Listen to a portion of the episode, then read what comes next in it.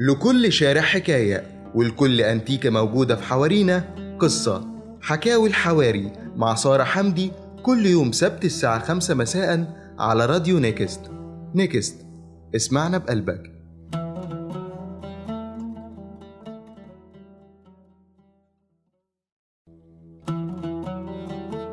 دلوقتي جه مع حكاوي الحواري مع سارة حمدي على راديو Next. Next. اسمعنا بقلبك.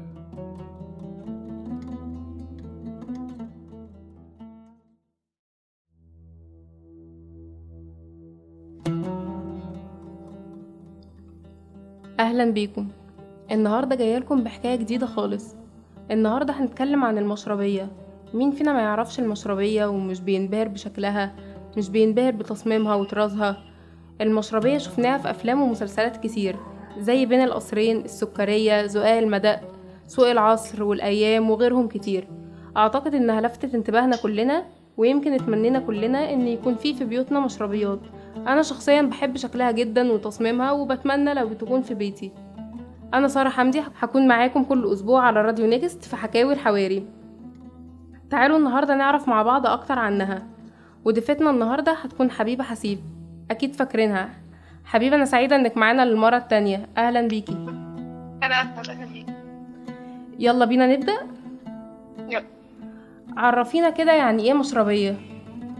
المشربية هي كانت في البيوت القديمة. هي عبارة عن عنصر معماري أو زخرفي شباك يعني ده الشباك بتاعنا دلوقتي. كان يا إما بيطل على الشارع أو على الفناء الداخلي للمنزل لو كان فيه ساحة للبيت. ما كانش بس بيبقى موجود في البيوت أو في المباني السكنية كان بيبقى موجود في المستشفيات برضه والخانات اللي هي بيوت المصابين يعني حاجة كده زي الفنادق عندنا دلوقتي. طيب المشربية ظهرت إمتى بالظبط؟ يعني في وقت لظهورها؟ هي ظهرت في العصر العباسي يعني من 1300 سنة. وبعد كده انتشرت من بعد العصر العباسي فضل يتم بنائها. لحد دلوقتي. آه هي مش موجودة دلوقتي زي ما كانت موجودة الأول. هو سوري أنا قلت 1300 سنة هي من 700 ممكن تقولي السؤال هي من تاني؟ 700 سنة؟ آه. طيب مفيش مشكلة. يعني مبنية من 700 سنة بالظبط. آه. طب المشربية تعتبر تراث مصري بنسبة 100% يعني بداية ظهورها كان في مصر ولا خدناها من مكان تاني؟ هو إحنا ممكن نقول عليها تراث عربي لأن هي مصر ما احتفظتش بيه لوحدها. هو ظهر في يعني في الايه في القطر بتاع الدول الحر الدول العربية اللي هي الحر فيها جامد يعني زي العراق ومصر والشام شبه الجزيرة يعني القطر بتاعنا ده كله ظهرت فيه. فما نقدرش برضه نقول إن هي مصر يعني تراث مصري بقى. هي ممكن نقول عليها تراث عربي. طيب في ال- أيام الدولة العثمانية كانت الدول العربية كلها موحدة. فبرضو مش ممكن بما إن كانت الدولة الدول كلها موحدة إن إحنا نعتبرها تراث مصري. أنت قصدك أيام العصر العباسي أو مش كانت الدول كلها دولة واحدة؟ أيوه تمام يبقى هو راجع في الآخر للدولة العباسية أو لفكرة الدولة ال- ال- العربية الإسلامية. أو برضو ما, نقدرش نقول برضو أو نجزم إن هو مصر يختص بيها لوحدها. يعني نقدر نقول عليها تراث إسلامي. بالظبط. آه، تراث عربي. تراث عربي إسلامي. تمام. طيب شكلها أكيد ما جاش من فراغ. أكيد كان في سبب ورا بنائها بالشكل ده. فعلا في سبب؟ آه أكيد. الفكرة إن كانت البيوت زمان كانت بت... الجدران بتاعتها كانت بيبقى سمكها كبير. كانت بيبقى عليها طبقة من الطين وإحنا عارفين إن ال... يعني سمك الجدار ده مع الطين هيخزن الحرارة بره مش هيمنعها سمك الجدار إيه؟ تخش سمك الجدار. آه والطبقة الطين اللي محطوطة عليه هتخلي ال- الحرارة كلها تخزن بره تمنعها إن هي تخش جوه المبنى أو جوه البيت. ففكرة ال- الثقوب اللي هي اللي كانت المشربية مع فكرة ملاقية الهواء اللي هي زي التكييف عندنا دلوقتي آه، وفكرة كمان السقوف العالية في البيوت دي كانت بتعمل كلها على فكرة توازن الهواء بره وجوه ال- المبنى أو جوه بره البيت. يعني نقدر. نعتبرها زي تكييف كده. آه يعني حاجة زي كده. طيب إحنا سمعنا حكايات كتير مع المشربيات. احكي لنا كده حكاية أو اتنين حاجة بسيطة يعني. بس ممكن نكمل الحكاية بعد الفاصل؟ آه تمام. طيب دلوقتي نطلع فاصل. استنوني وما تروحوش في أي حتة. هرجع لكم تاني.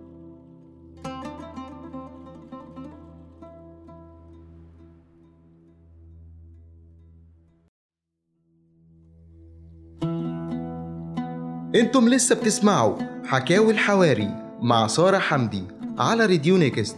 Next. اسمعنا بقلبك.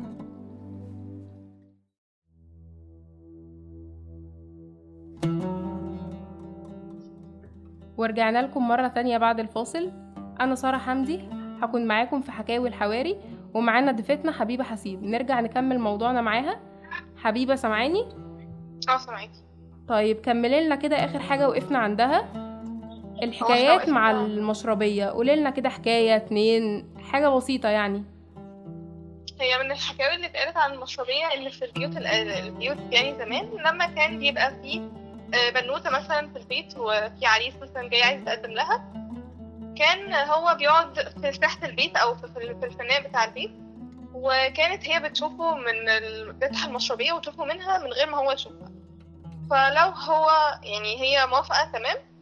كانت بترمي المنديل بتاعها من المشربية وده علامة إن هي موافقة. آه، لو كانت رفضت مثلا كانت بتفتح المشربية وتقفلها ثلاث مرات. فهم كده تحت كانوا بيعرفوا إن هي مش موافقة أو رافضة. يعني نفهم من كده إن الشخص اللي بيبقى واقف آه، ورا المشربية بيبقى غير مرئي تماما. آه ما هي من عوامل المشربية برضه فكرة الخصوصية. مم، يعني مش بنلمح منه أي حاجة خالص. لا لا طيب هي تقدر تشوف اللي بره لكن. يعني اللي بره ما يقدرش يشوف اللي جوه مم. طيب دلوقتي المشربيات اختفت ولا لسه موجودة؟ لا لسه لسه موجودة بس في اللي هي البيوت القديمة يعني اللي هي بيوت مثلا نقدر نقول إن هي بترجع للستينات أو حاجة زي كده آه كمان هنلاقيها في في المناطق اللي هي حوالينها آه مساجد ومدارس آه إسلامية كتير يعني يعني في شارع المعز الحاجات دي هنلاقيها موجودة كتير. آه طب لو الأبنية دي وقعت أو تعرضت للدمار إزاي نقدر نحيي طراز المشربية؟ ان إحنا نستعملها كعنصر زخرفي في المباني اللي إحنا نبنيها مش كوظيفتها الأساسية يعني فكرة التهوية والتبييض الحاجات دي. آه، أو إن إحنا ناخد نماذج منها نعرضها في متاحف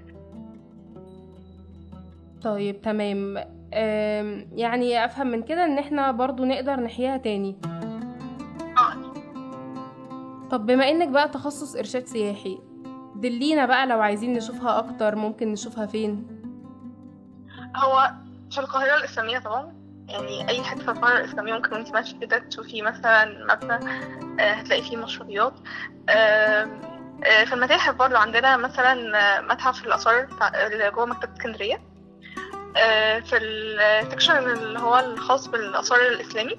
عندنا مشربية مع- معروضة ويعني بنستخدم فيها تكنيك ال- الأرابيسك خشب الأرابيسك اللي هو الخشب العاشق والمعشوق وفكرة برضه الخشب المحروق. يعني شكلها لطيف يعني.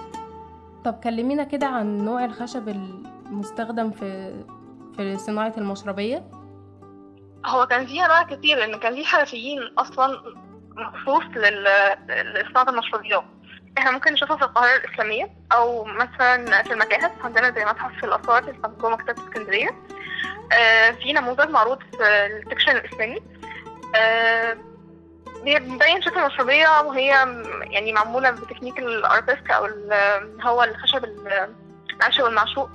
وبرضه من فوق فيها فكرة ال- الخشب المحروق. آه، الفنان كان عايز يصور بيها غزلتين بيبصوا لبعض.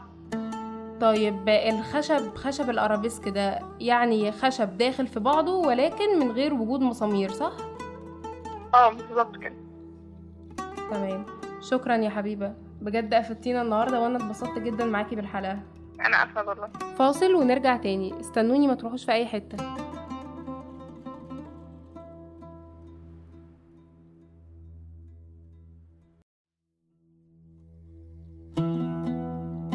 أنتم لسه بتسمعوا حكاوي الحواري مع سارة حمدي على راديو Next.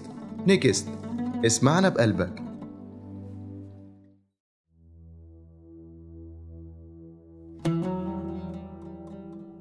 ورجعنا لكم مرة تانية بعد الفاصل.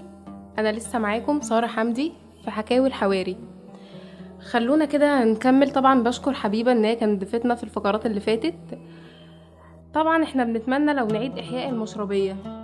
طب زمان كانوا بيستخدموها عشان العريس. عايزين يمنعوا الستات من إنها تتشاف. دلوقتي الكلام ده مبقاش موجود.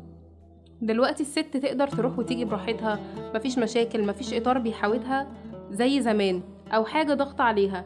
طب دلوقتي لو هنعيد بنائها هنعيد بنائها ليه؟ في أسباب كتيرة قوي ممكن نعيد بنائها عشانها.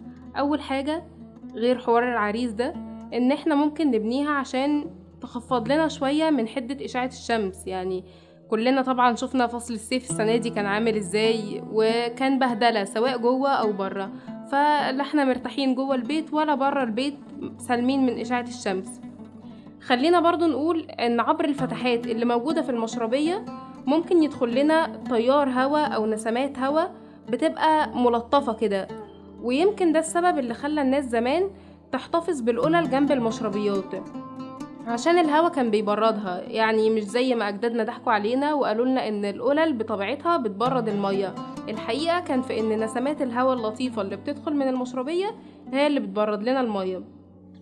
خلينا برضو نقول إن إحنا ممكن نبنيها عشان الضوء.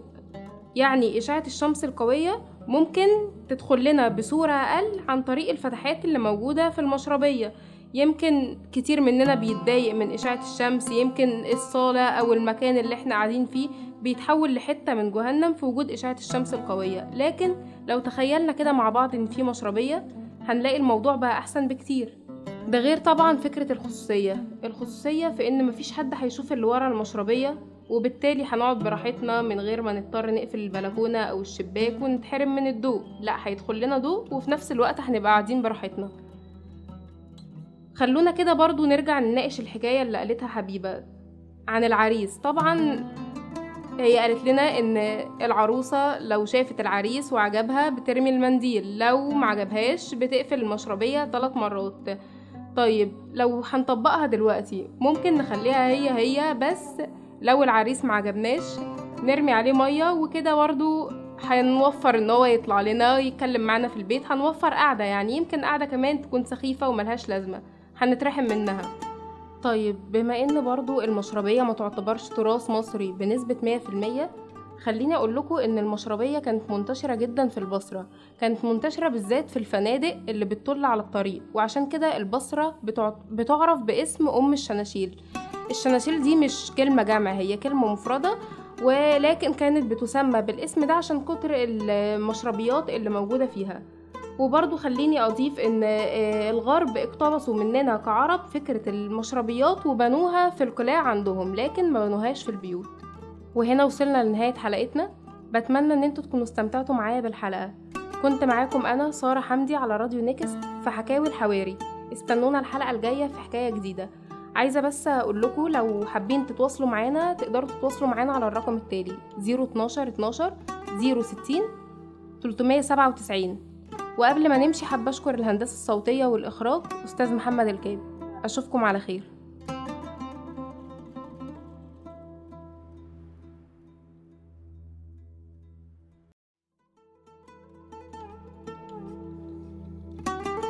كنتم مع حكاوي الحواري مع سارة حمدي على راديو نيكست. نيكست اسمعنا بقلبك.